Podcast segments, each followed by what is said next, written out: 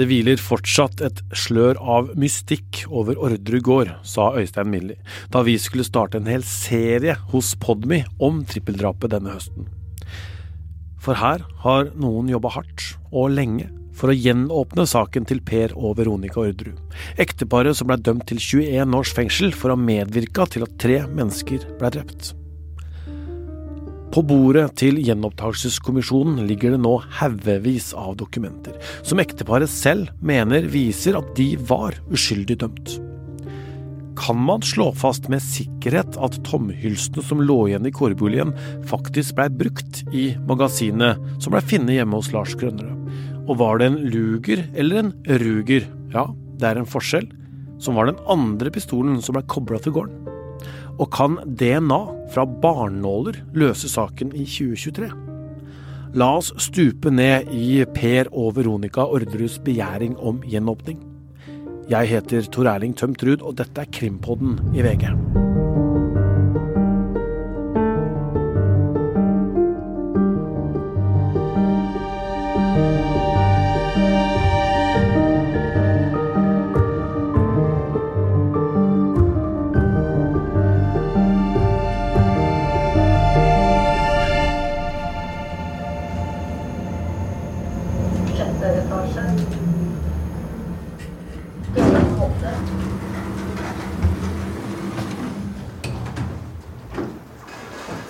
Her, vet du. Hallo, hallo. God dag, god dag. Godt å se deg igjen. Hei, Hanna. Hyggelig. Hei. Ja da. Ja, Så her er det nye slottet. det er nye Arslotto slott. Det er en tredjedel av plassen på Grønstad. Hanna, som er reporter i Krimpodden, og jeg er hjemme hos Tore Sandberg. Han har du hørt om. 79-åringen har avslørt flest justismord i norgeshistorien. Mest kjent for sakene om Fritz Moen og Per Liland. I mange år har han jobba på oppdrag for Orderud, og gravd seg ned i trippeldrapssaken. I hele høst har vi hatt episoder om Orderud-saken, som du hører på Podmy. Og grunnen til at vi har snakka akkurat om denne saken nå, er jo at eh, to av de fire domfelte har levert en begjæring på flere hundre sider om hvorfor de mener de er uskyldig dømt. De mener de er uskyldig dømt for å ha medvirka til å ta livet av det eldre ekteparet Christian og Marie Orderud og deres datter Anne Orderud Paust i 1999. Det er privatetterforsker Tore Sandberg som har gravd fram de omstendighetene og spora som de mener rokker ved dommen de begge har sona ferdig. Hjemme i den nye leiligheten til Tore Sandberg er det lyse tremøbler, og vi setter oss rundt spisebordet. Han har en Mac foran seg som han har kobla til den store TV-skjermen i stua. Der skal han vise oss noe av det han har funnet. Da kjører jeg det eh, egentlig ut på storskjermen. sitter her, Ja. så jeg sitte her. Skal vi se Da Du har noen timer med opptak, du. Å, fy faen. Ja. Vi kommer tilbake til Tore Sandberg og hans funn. Per og Veronica Orderud varsla allerede i 2009 at det ville komme en begjæring om gjenopptakelse. Da var de gift. Den endelige begjæringen, eller kravet, om gjenopptakelse blei sendt inn i 2018, altså for fem år siden. Kommisjonen har gjort sine undersøkelser, og påtalemyndigheten, de som førte ekteparet for retten, har kommet med sine bemerkninger. Til sammen så sier de som er inne i saken i hvert fall, at det foreligger et sakskompleks på rundt 16 000 sider med dokumenter. 16 000. Det er ingen hemmelighet at påtalemyndigheten mener at dommen mot Per og Veronica Orderud var helt riktig, noe Tore Sandberg er helt uenig i. Det kommer du til å få med deg nå. Vi har hatt påtalemyndigheten her i studio. Statsadvokat Sturla Henriksbø hadde en lang samtale med Øystein Milli og meg. Ja, Øystein, da har vi fått eh, besøk, vi, i Krimpodden eh, studio. Det er eh, statsadvokat Sturla Henriksbø. Hvordan kommer påtalemyndigheten, som du da representerer, inn i Orderud-saken nå i forbindelse med gjenopptakelsesprosessen? Det er jo gjenopptakelseskommisjonen som skal bestemme om det nå er kommet noe nytt, eller noe som svekker grunnlaget for eh, dommen, og som gjør at saken må gjenopptas. Og da er det jo en begjæring fra de domfelte som måte, er startskuddet for uh, den vurderingen som uh, kommisjonen skal gjøre, men da er det uh, også trukket inn påtalemyndigheten som en sånn objektiv motpart, da, som ettergår de opplysningene som kommer gjennom takelsesbegjæringen, og så kommer vi med våre synspunkter på det til kommisjonen. Og så bidrar vi i hvert fall til en motvekt, da, eller, eller for så vidt til en støtte, avhengig av hva som ligger der og hva vi mener. Men da er vi for så vidt objektiv og ønsker jo både å unngå at det har skjedd et justismord, og, og forebygge det, eh, men samtidig også eh, sjekker at ikke det kommer, at det ikke blir lagt til grunn uriktige eh, opplysninger. Sturla Henriksbø blei 20 år i 1999 da drapene skjedde, det samme som meg sjøl. Han er far til tre barn og prater rolig. Han og et lite team ved statsadvokatkontoret har jobba med ordresaken rundt et år. Han forklarer her hva som skal til for at en sak skal bli gjenåpna. Det er jo flere veier til en gjenopptakelse. Enten så eh, kan det være at det er nye bevis som synes egnet til å føre til frifinnelse eller nedsatt straff. Altså det må være både nye, nye bevis, men det holder ikke det alene. Det må også være egnet til å føre til frifinnelse, eller, eller en annen lavere straff, da. Og da skal det være en helhetsvurdering opp imot det bevisbildet som har blitt presentert for domstolene fra før. Eh, så man må da se på de nye bevisene og hvor viktige de er i forhold til det som allerede har vært eh, vurdert av domstolen. Eh, eller så kan det være at dommer eller aktor eller politifolk har forfalska eller manipulert bevis. Det kan være et grunnlag for gjenopptakelse.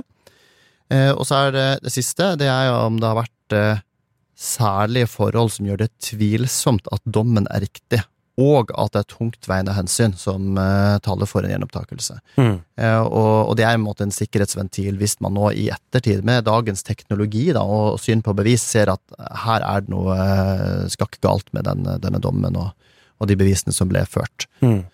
så de tre vilkårene er det som da Eller en av de tre da, må være oppfylt for at man skal kunne gjenoppta saken. Nå skal vi gå gjennom noen av de temaene som ligger hos Gjenopptakelseskommisjonen. Sturla Henriksbø fra påtalemyndigheten skal først si sin vurdering, og så skal Tore Sandberg, privatetterforskeren, komme med sin. Til slutt da, så er det kommisjonen som skal avgjøre dette her, men du som hører på får i hvert fall et innblikk i hva som er i spill.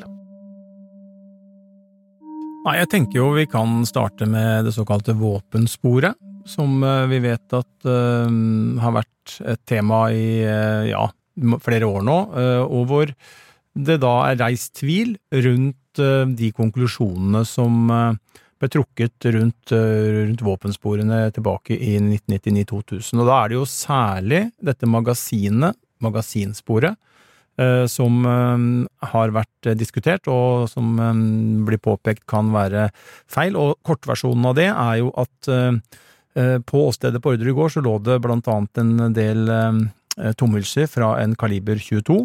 På de hylsene så var det noen merker som naturlig ikke oppstår. Det var en hypotese ganske tidlig fra politiets side at det måtte være et eller annet spesielt ved magasinet, en skade eller noe som gjorde at disse merkene var på disse hylsene. Det var noen ripemerker. Og jeg tror man tenkte at dersom vi finner magasinet som disse faktisk har sittet i, så kan denne vi kan matche det. Og så Eh, skjedde jo det videre at eh, Kristin Kirkemo, en uke etter drapene, ble tatt i Østmarka for å drive med noe skyting. Som ikke har noe med drapene å gjøre, men politiet rykka ut fordi det var skyting ute i skogen og skulle sjekke hva det var.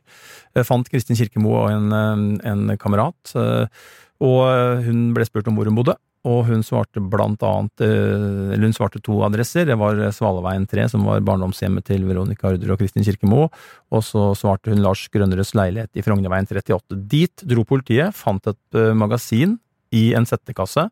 Eh, de fant også en Ruger 22-kaliber i gjemt i en vegg, som viste seg å ikke ha noe med drapene å gjøre.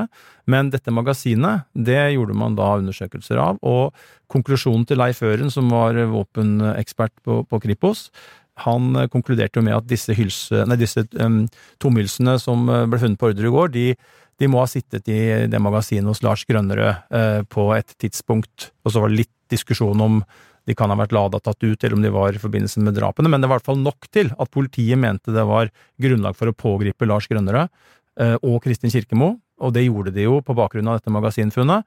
Og så ble jo de satt i avhør, og i disse avhørene så uh, var det særlig Kristin Kirkemo som uh, anga uh, Per Veronica Orderud som, som medskyldige i eh, Eller hun nekta skyld sjøl, men at hun pekte på Per Veronica Orderud, som eh, hadde bestilt våpen, og at de hadde sentrale roller i trippeldrapet. Nettopp. Så det er merker på tomhylsene eh, som ble funnet på åstedet, som da skal da ha på en måte blitt pressa ned i dette magasinet, som ble funnet hjemme hos Lars Grønnerud, og som kobler disse her sammen.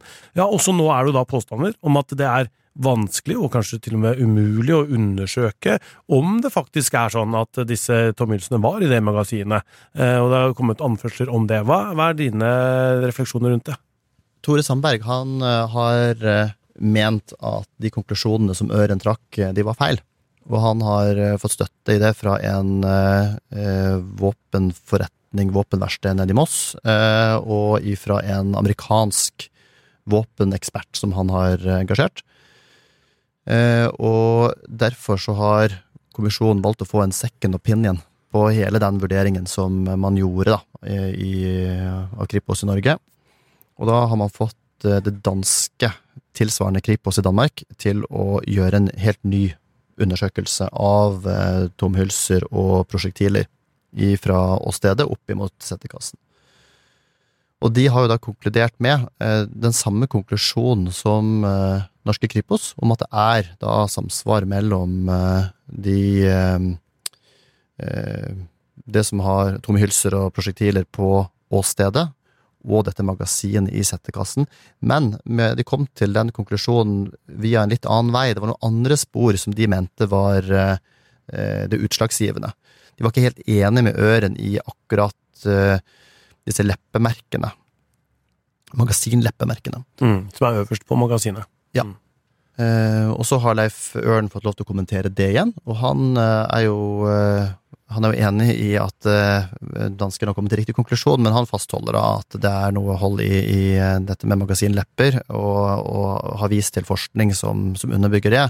Det er en faglig uenighet her om eh, hvilke spor som leder til hva, men eh, i sum, i hvert fall, så har både det danske Kripos nå, med dagens øyne, og Leif Ørn eh, back in the day, da, da han gjorde sine undersøkelser, kommet til samme konklusjon om at de patronene som har vært brukt til å begå drapene, de har på et eller annet tidspunkt vært ladet i det magasinet.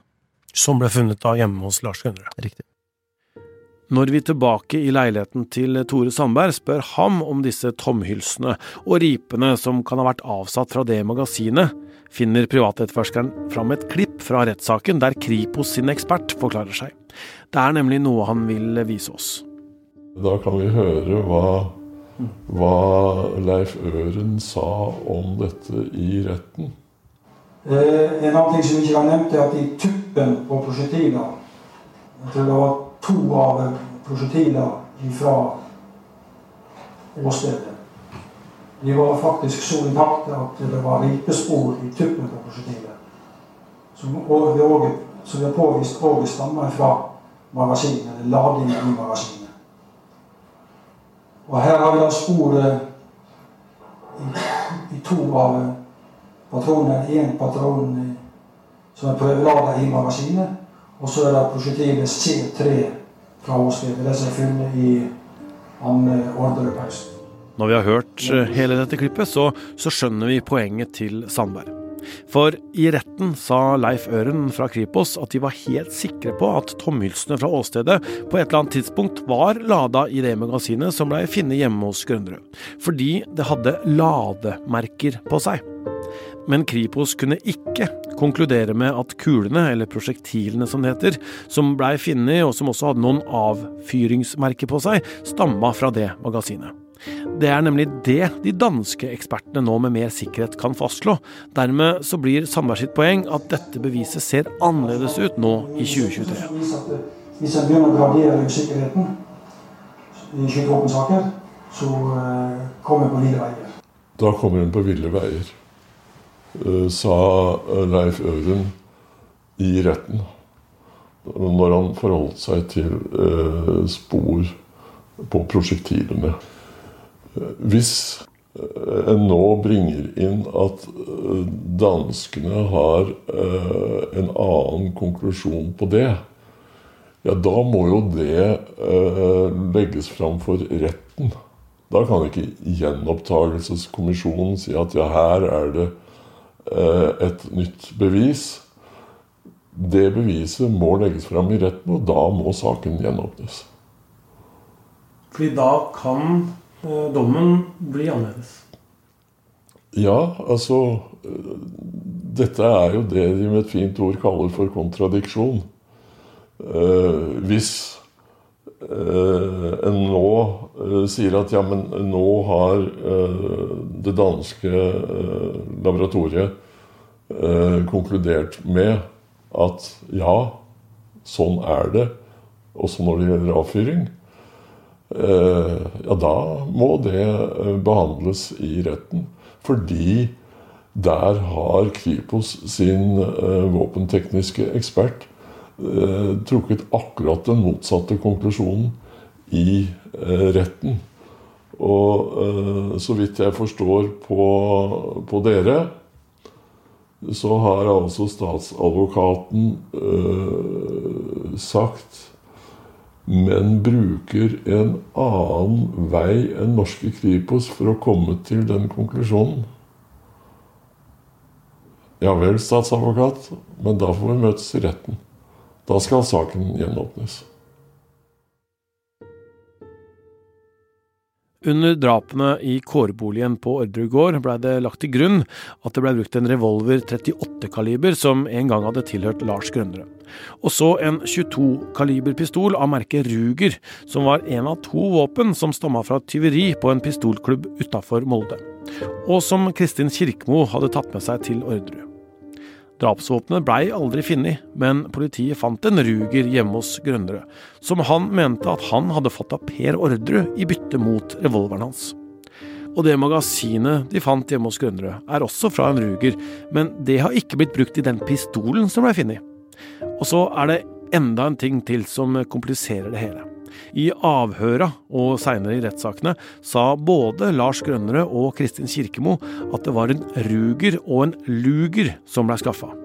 Og det er dette Tore Sandberg har påpekt. Hvorfor har ingen fanga opp at det kan ha vært snakk om en Luger? Luger og Ruger, det er jo eh, to navn som ligner ganske mye på hverandre. Utseendemessig så kan de ligne litt på hverandre også, hvis man treffer på riktig modell da, av de to eh, våpenmerkene. Men det vi vet, det er jo at det var to rugere som ble stjålet fra en pistolklubb eh, oppe i eh, Molde, sammen med flere andre rugere. Og to av disse våpnene de har blitt fraktet ned til Østlandet. Og det ene av de to våpnene har blitt brukt til å begå drapene, for det ser man at det er samsvar mellom eh, tomhylser eh, fra åstedet og tomhylser funnet på denne pistolklubben. Og den andre våpenet, det ble funnet inne hos eh, Lars Grønnerød i tråd med hans forklaring om at han da, eh, etter at disse to våpnene ble gitt til Per Veronica Orderud, så byttet han det tilbake, den ene, i bytte mot sin revolver. Så dermed så henger for så vidt forklaringen til Lars Grønnerød og Kristin Kirkemo den henger i hop med de objektive funnene. Og så, hvordan har dette oppstått med, med Ruger og Luger?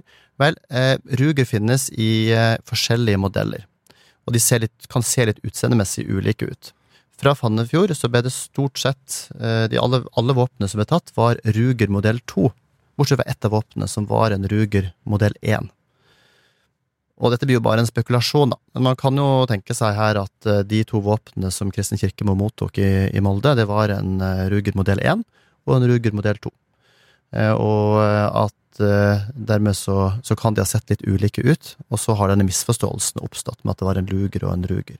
For der er det jo da sånn at, bare så vi henger med på logikken, at man fant jo én Ruger fra disse seks i Molde, og den ble jo funnet hjemme hos Lars Grønnerød. Og det var vel en Ruger Modell 2. to. Og så har man ikke funnet det drapsvåpenet, altså Rugeren som ble brukt under drapene, og det, har man og det kan da være en Ruger 1, for man har ikke funnet igjen en Ruger 1 som ble stjålet fra Molde, da. Korrekt. Så er det jo en ting jeg tenker også er, for det er jo Lars og Kristin, altså Kirkemo og Grønnerød, som snakker om Luger og Ruger i avhør. Men det er en omstendighet som har drukna litt, og det er at det er jo et vitne, eh, nemlig broren til Kirke, Kristin Kirkemo, Ole Robert Kirkemo, som har forklart seg om eh, at eh, Og han er, så vidt vi vet, den eneste utenforstående som har sett disse våpnene som Kristin Kirkemo kom med fra Molde. Og han forteller i et avhør ganske detaljert, og det avhøret tror jeg var en drøy uke etter pågripelsen av søsteren, eller av søstrene. Han forteller detaljert om at han er på låven, og jeg tror de skulle se på noen landbruksmaskiner, eller om det var noe Kristin Kirkemo skulle vise den. Og så, under den samtalen, så sier hun at jeg har noe annet jeg skal vise deg også. Um, og så blir, han, blir, hun tatt med bort, uh, og, hun uh, har to konvolutter, som jo stemmer, så vidt jeg husker, godt med hvordan de i Molde beskriver at disse to pistolene var pakka inn der oppe, og pakker ut de, og Ole Robert Kirkemo sier at han så to rugere Eh, og han begrunner det også, for han sier at eh, jeg er sikker på at det er Ruger jeg så, for han hadde dagen før avhøret sett en Ruger på TV, og sier da at jeg så to Rugere. Så her er det ulike opplysninger som står mot hverandre, og så må man jo da eh, avveie hva man tenker er det mest sannsynlige, og hvilken betydning det måtte ha. Men det er jo rart allikevel at både Kristin Kirkemo, Lars Grønnerød, både i avhør og i rettssakene vel, sier Luger og Ruger. Det er det. Tore Sandberg har jo sagt at hvor var eh, advokater, eh, dommere og pressefolk egentlig den gangen, når de sa Ruger og Luger, og så har det liksom etterlatte inntrykket hele tiden vært at det er to Rugere som er i spill her. Ja, og det henger jo da sammen med det jeg sier nå, at uh, det var Rugere som ble stjålet på Fannefjord. Man klarte å, med pistolklubben, man uh, spora de våpnene ned til Sør Sørumsand, Oslo. Ved at da Ole Robert Kirkemo forklarte at han så to rugere på låven den samme dagen som Kristin Kirkemo hadde kommet. Altså det er jo på lille julaften han har blitt tatt med på låven, og da ser han to rugere der. Og det at man da har klart å finne en link, og at det ikke ble tatt noen lugere fra Fannefjord pistolklubb, så er jo spørsmålet, hvis det, er, hvis det hadde vært en luger inne her, hvor er det den da kommer fra? Det er jo, så vidt jeg vet, ingen opplysninger i saken om om at det er noen luger som noen har uh, hatt, at det fins en fysisk luger på noe vis. Så jeg er jo helt enig, ja. Det er rart at de to som uh, har hatt befatning med våpnene, Grønnere hadde jo da en ruger i veggen, at, at de bruker feil betegnelse, det, det, er selvfølgelig en omstendighet som uh, er verdt å tenke over. Jeg syns jo egentlig ikke det er så veldig rart at de begge to har den samme oppfatningen, for at hvis de enten Enten at eh, en av de to har fått det for seg at det ene er en luger og en ruger, eller at den som ga de til Kristin, fortalte det, at det var det, så har jo de snakket sammen. For det var jo det de gjorde Lille julaftenselskapet da Kristin kom med våpenet. Så at de to har fått en felles oppfatning om hva dette her var, det tenker jeg er ikke så veldig, veldig merkelig, hvis den misforståelsen først har oppstått. Påtalemyndigheten har altså ikke noe fasitsvar på hvorfor Kirkemo eller Grønnerød sa at det var snakk om en luger og en ruger i avhør og i retten. Da kan vi la Tore Sandberg svare ut det. Eh, så er det luger-ruger. Påtale antyder at siden de to våpnene kan ligne på hverandre, og det er to like navn, så kan de ha forvekslet. Sier også at det kan ha vært to forskjellige typer ruger, der den ene modellen kan ligne mer på en luger ja, skal eh, dommer eh, for et trippeldrap basere seg på antagelser eh, som statsadvokaten eh, måtte ha om at Kristin Kirkemo og Lars Grønnere ikke har greid å lese hva som står på våpnene. Det fremgår av rettsreferater at Kristin Kirkemo har forklart Lars viste meg. På det ene våpenet sto det Ruger, på det andre sto det Luger.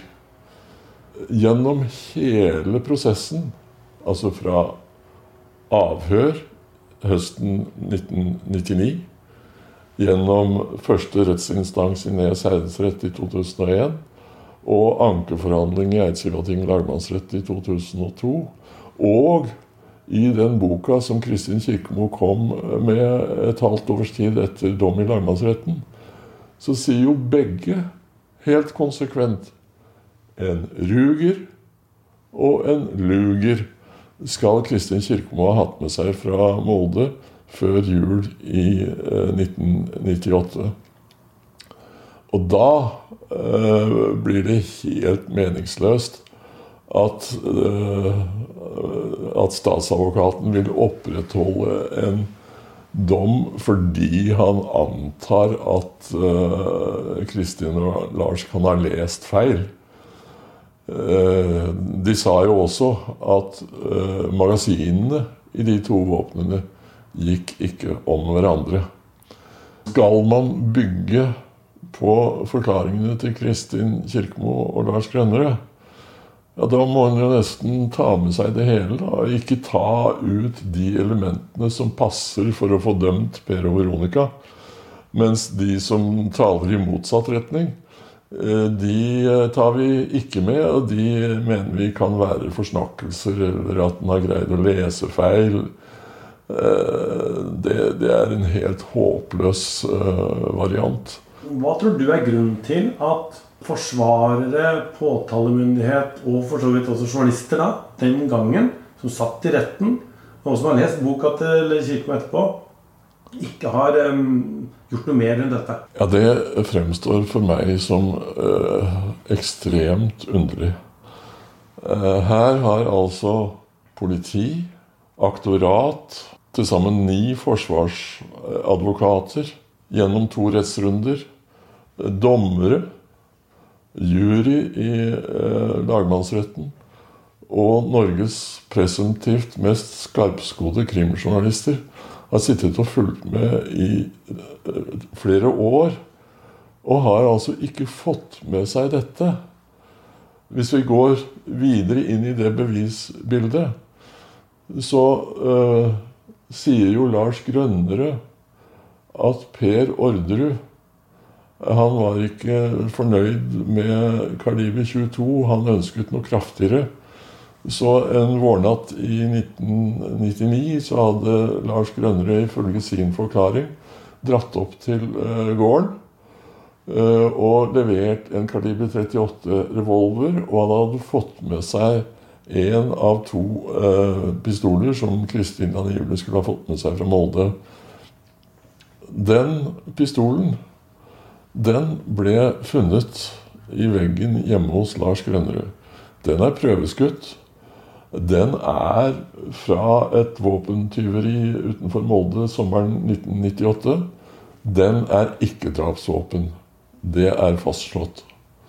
Og så øh, presterer altså øh, Tore Per Bakken å stå i retten og si at øh, en pistol et våpen som politiet aldri har hatt i sine hender, at det er drapsvåpenet. Og det er bl.a. ut fra at de har funnet 1360 eh, tomhylser ved dette, denne pistolklubben utenfor Molde.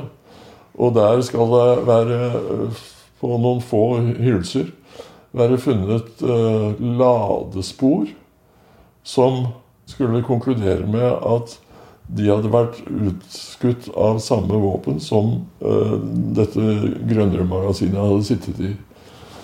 Ja, Men nå er jo det forkastet både av norsk ekspertise, amerikansk ekspertise og dansk ekspertise.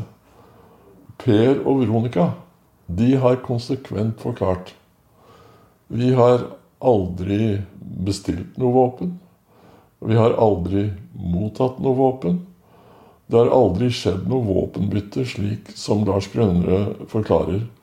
Men altså, selv om vi glemmer hva eh, Per og Veronica har sagt Hvis vi bare holder oss til forklaringene til Kristin og Lars, da står vi jo overfor eh, tilnærmet et utelukkelsesbevis. For den nødvendige logiske konsekvensen av at Kristin og Lars helt konsekvent forklarer en ruger og en luger. Etter Lars sin forklaring så har han altså en eh, ruger.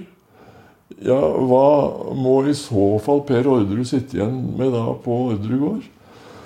Ja, det må jo da være en luger. Det er det eksaminert om i retten. Kan Luger være drapsvåpen? Nei, sier Kripos sin våpentekniske ekspert Leif Øren. Luger kan ikke være drapsvåpen fordi det setter andre merker på hylsene enn det som ble funnet i kårboligen. Og jeg har spurt i, i gjenåpningsbegjæringen Si meg en ting. Dommer én, dommer to, dommer tre. Statsadvokat 1, statsadvokat 2.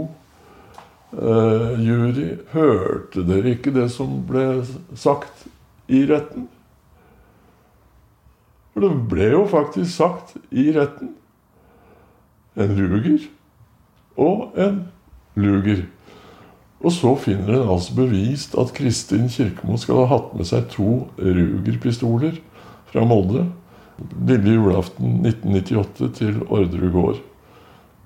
Ifølge hennes eh, bror, Ole Robert eh, Kirkemo, så ble han også på et tidspunkt eh, vist disse våpnene på, på låven. Og han har forklart at han så to våpen, og at de to våpnene var like, og at det var to rugere. Det er hans forklaring. Hvordan henger det sammen? Uh, ja, nå uh, må jeg nok sjekke det du der sier. Om, altså Én ting er at han, han var på, på låven uh, og forklarte at han var på låven, og så eh, så to våpen. men før jeg svarer på det spørsmålet ditt, så, så må, jeg, må du dokumentere for meg Eh, hvor han eh, har sagt at det var to rugere. Før du dokumenterer det, så vil jeg ikke besvare det spørsmålet. Det er i orden. Du skal eh, finne det. Eksakt. Ja. Jeg har ikke det akkurat her, men det skal jeg finne. Og det fant jeg. Et avhør. Og Tore Sandberg har lest det samme avhøret og er innforstått med innholdet i det. Sandberg påpeker at de to som burde ha størst kunnskap om hva Kristin Kirkemo angivelig skal ha hatt med seg fra Molde, må helt klart være Kristin Kirkemo selv og Lars Grønnerød. Sandberg legger til at Kristin Kirkemo forklarte i retten at Lars hadde vist henne at det sto Ruger på det ene våpenet og Luger på det andre. Magasinene gikk ikke om hverandre, og i lagmannsretten forklarte Lars Grønnerød at våpnene var én Ruger og én Luger, men at de så veldig like ut, og på avstand kunne man ikke se forskjell på dem. Sandberg skriver videre til oss. At Ole Robert Kirkemo forklarte at han hadde sett Ruger-våpen på TV, kan umulig ha noe som helst bevisverdi i forhold til både Lars og Kristins gjentatte forklaringer om at det var to forskjellige våpen. En amerikansk Ruger og en tysk Luger. Et hovedpoeng for privatetterforskeren er at vi ikke bare kan bruke de forklaringene som passer inn i politiets historie, og legge vekk hovedpersonenes forklaringer om det som ikke passer inn i denne fortellingen. Hva var det. Kan jeg ta litt vann her? Ja, ja. Herregud. Ja. Det er jo helt Nei, nei, nei. Du kan uh, godt ta is også, hvis dere ha, vil ha is. Det går bra. Det går du ha, du har ja, da tar jeg ut et glass til oppi Ja. det skapet der. DNA var ikke noe tema i rettssakene. I hvert fall så ble det ikke lagt fram noen vesentlige DNA-bevis. Men teknologien har jo utvikla seg, og kan det være noe nå som kan testes? En av de tinga som blei sjekka, er noe som stammer fra skogen. Fordi da Kristin Kirkemo blei pågrepet, så blei det funnet noen gjenstander, bl.a. en parykk, sokker og avklipte nylonstrømper. Dette fant man aldri helt ut av, men det blei funnet noen barnåler i forbindelse med disse gjenstandene. Jeg tror det var i lagmannsrettsbehandlinga så bestemte man seg for å klippe ned barnåler fra noen furutrær rundt kårboligen. Furutrær, Ja. Mm. Hypotesen var jo da at disse barnålene som var funnet på de gjenstandene til Kristin Kirkemo, kunne komme fra området rundt kårboligen, fordi at hun eventuelt da hadde vært der drapsnatta, og at disse barnålene hadde havna i hennes eiendeler av den grunn. Og jeg husker jo bildet av blant annet kriminaltekniker Tore Per Bakken som klatra opp et tre og hang, hang der og, og, og klipte ned barnehåler, og ble jo sendt til, ja, jeg lurer på det het Planteforsk den gangen jeg på oss. Altså, eh, det er jo Landbrukshøgskolen og de, det miljøet der ute som, som jobber med den type ting. Og så Det har blitt universitet det nå, Øystein? Det har det, vet du. Mm. Det også. Men, men så ble jo det, det sporet Det ble jobba litt med, men det ble aldri konkludert på noe vis. Og så har jo det ligget der, og jeg vet jo at, eh, at eh, ja, blant andre Frode Sulland, forsvareren til Veronica Ordre, har vært veldig opptatt av å få dette analysert så godt det lar seg gjøre, for å få en så sikker konklusjon som mulig. Og tanken bak det er vel at eh, det vil ramme Kristin Kirkemos troverdighet dersom det viser seg at eh, disse barneårene kan spores til et furutre bak kårboligen, eh, og at man da fra den siden på, påstår at det må knyttes til at hun har vært på begått drapene, noe som hun jo har benekta sjøl. Kristin Kirkemo har jo forklart seg på en sånn måte at hun ikke hadde noen aktiv rolle, men peker jo da veldig på Per Orderud, Veronica Orderud og også Lars Grønnerød som eh, aktive, og det var de som på en måte la disse planene som hun har fortalt om eh, på juleselskapet i 1998, om hvordan drapene skulle begås. Så det er bakteppet da for disse barneårsbevisene. Barnåler fra furutrær, altså. Det er jo nåler som kan være en to, tre, fire centimeter, det. Så vi er jo skogeiere begge to, Ja da. og dette veit vi. Ja da. Henriksbø, hva er eh, deres take på disse barnålene? Det er jo fascinerende, hvis man bare løfter blikket litt fra Orderud-saken, da, at man eh, faktisk At furutrær har et type DNA, da, sannsynligvis, eh, som gjør at eh, man kan eh, finne ut om en barnål kommer fra et eh, spesifikt tre eller, eller en serie trær. Det er jo spennende å kunne bruke det som et sånt etterforskningsmetode eh, i andre saker også. Hvor står undersøkelsene akkurat nå? Etter det jeg har skjønt, så har kommisjonen nå bedt NIBIO, som er de som eh, forvalter eh, den type forskning og, og driver med dette, om å gjøre en sammenligning mellom ekstrakter fra en barnål funnet på parykken, med barnåler fra et spesifikt tre bak hårboligen. Når det gjelder eh, barnålsporet, så har ikke det vært en del av Per Orderus gjenåpningsbegjæring. Eh, Skulle det i motsetning til hva det var eh, tidligere, hvor eh, det var nødvendig med svært omfattende tilleggsundersøkelser for å, å se hvor holdbart beviset var. Eh, Skulle det komme sikrere eh, konklusjoner, så får en se på det. Men eh, per i dag så har jeg ikke noen kommentar til det. Etter at vi intervjua både Henriksbø og Sandberg om dette, så har det kommet et resultat. Og resultatet var at kvaliteten på de barnålene som skulle sjekkes, var dessverre for dårlige, så de kunne ikke analyseres. Men det er noe annet som de har fått resultat på, nemlig DNA fra et menneske. Og det er DNA-et til Kristin Kirkemo, og det skal vi snakke mer om i neste episode. Og da skal vi også snakke om mannen som Tore Sandberg mener kan ha vært med på drapene, og som har en link til et kriminelt eks-jugoslavisk miljø. I høst så har vi snakka oss gjennom Orderud-saken i Krimpodden. Episodene finner du på Podme, eller hvis du hører på oss via VG+. Men disse episodene, hvor vi snakker om noen elementer fra gjenåpningsbegjæringene, er åpne overalt hvor du hører podkast. Og så håper jeg da at du som fortsatt ikke har Podme, skaffer deg det. Ifølge en som kommenterte på Facebook-sida vår, så er Podme verdt hver krone. Ja, det var det hun skrev. Krimpodden består av produsent Vilde Våren, Hanna Espevik, Ruth Einevold Nilsen, nyhetssjef Emilie Hall Torp, Øystein Milli og meg, Tor Erling Tømtrud.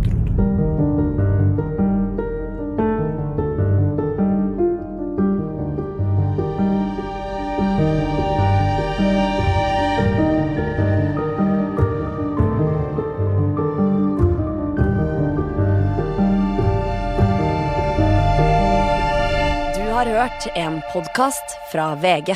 Ansvarlig redaktør, Gard Steiro.